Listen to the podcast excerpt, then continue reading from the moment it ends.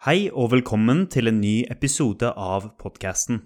Om dere har lyst, så kan dere støtte podkasten på Patron eller med en donasjon. Dere finner lenker i deskripsjonen. Nå, la oss snakke om historien bak kvinners stemmerett i Norge.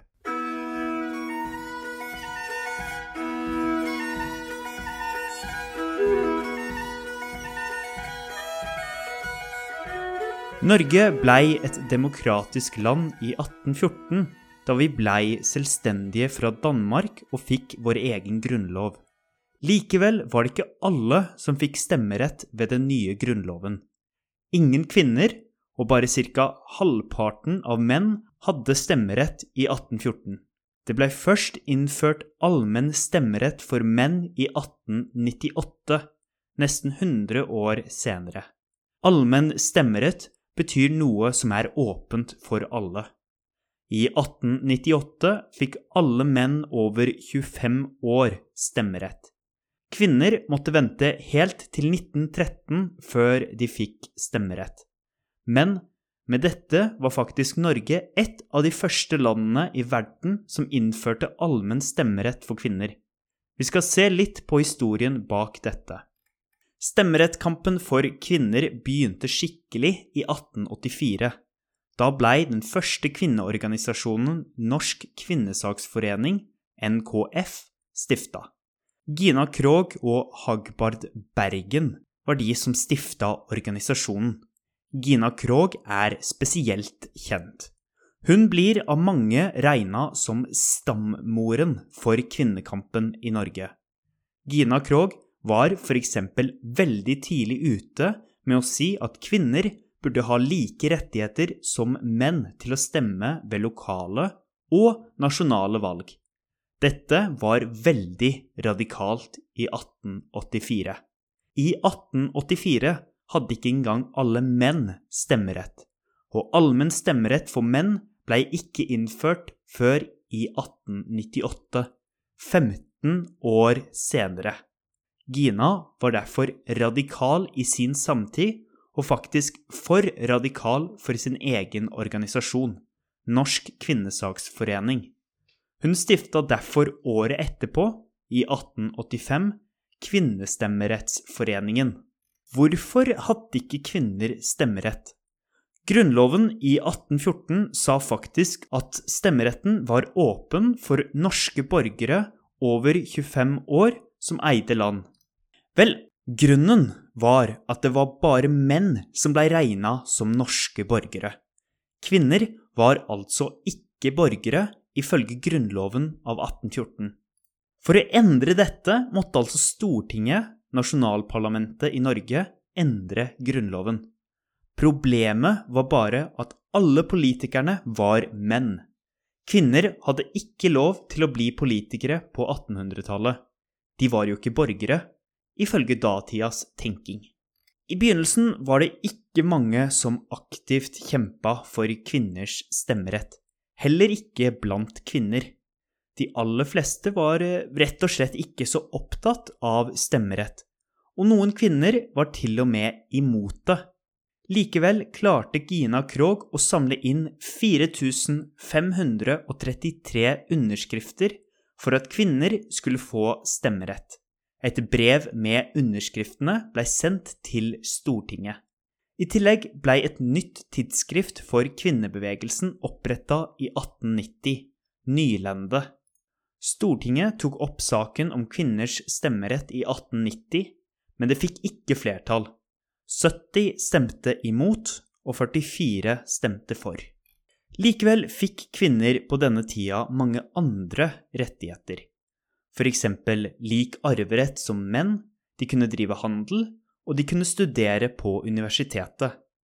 Disse rettighetene var viktige for at kvinner skulle få en sterkere posisjon i det norske samfunnet, og til slutt kreve stemmerett på lik linje som menn. Men hva var argumentet mot å gi kvinner stemmerett, egentlig?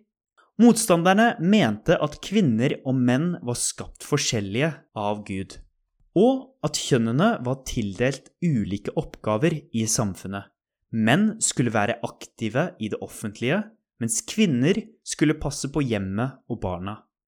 Hvis kjønnene gjorde noe unaturlig, noe som for eksempel at kvinner skulle bli aktive i det offentlige, ville de bli ulykkelige. I tillegg ville det skade balansen i samfunnet.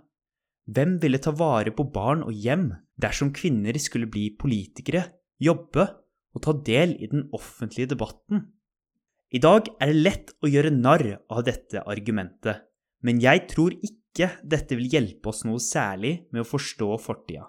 Hvorfor argumenterte de slik? Vel, noen var kanskje engstelige for å miste sin posisjon i samfunnet. Dersom kvinner fikk stemmerett, ville det også bli naturlig at flere kvinner kom inn i politikken og på Stortinget. Konkurransen om de 169 plassene ville altså bli mye større. I tillegg har tanken om at kvinner hører til i hjemmet og mannen i det offentlige, en svært lang historie i Europa. Faktisk strekker det seg fra antikken helt til moderne tid. Man finner fremdeles folk i dag som bruker dette argumentet, selv om det er langt færre enn før. Mange trodde altså oppriktig at det var bedre for kvinner å ikke engasjere seg i det offentlige, også blant kvinner.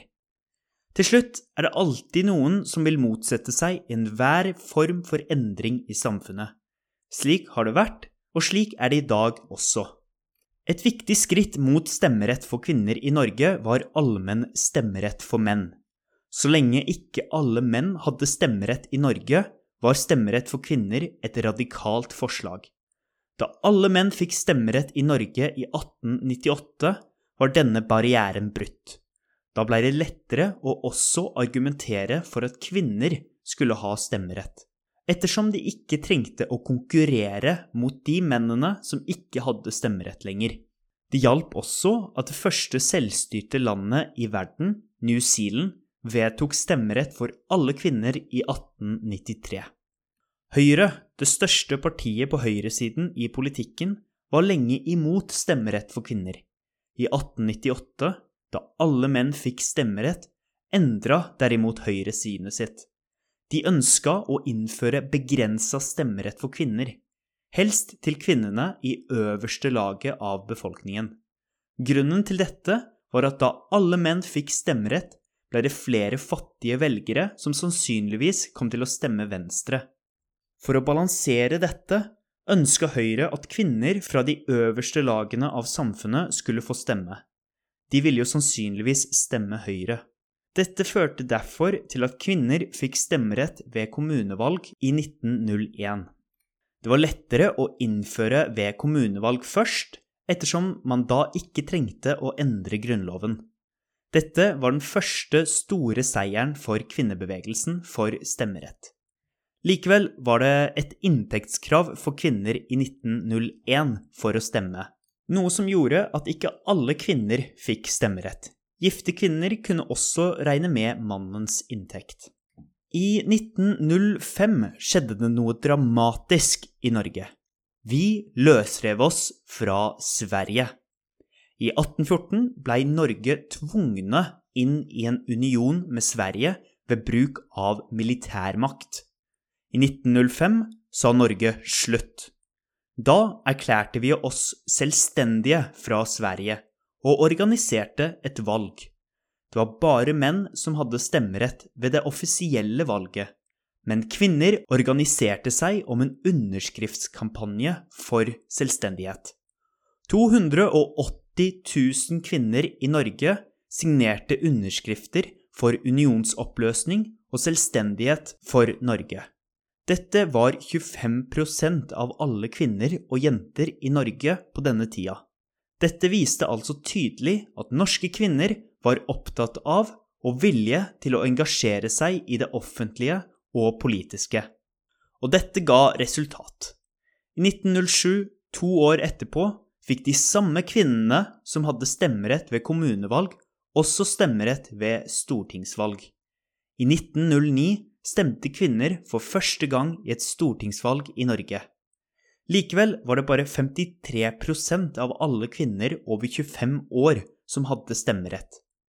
Men resultatet av bestemmelsen av Stortinget i 1907 var likevel et svært viktig steg mot allmenn stemmerett for alle, både kvinner og menn. I 1907 ble nemlig kvinner også offisielt regna som statsborgere.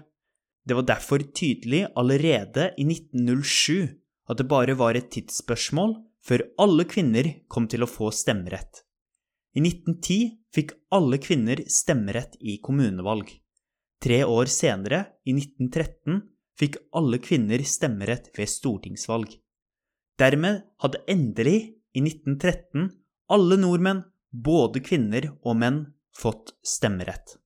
Da Norge innførte stemmerett for alle kvinner i 1913, var de faktisk blant de første landene i verden til å gjøre dette.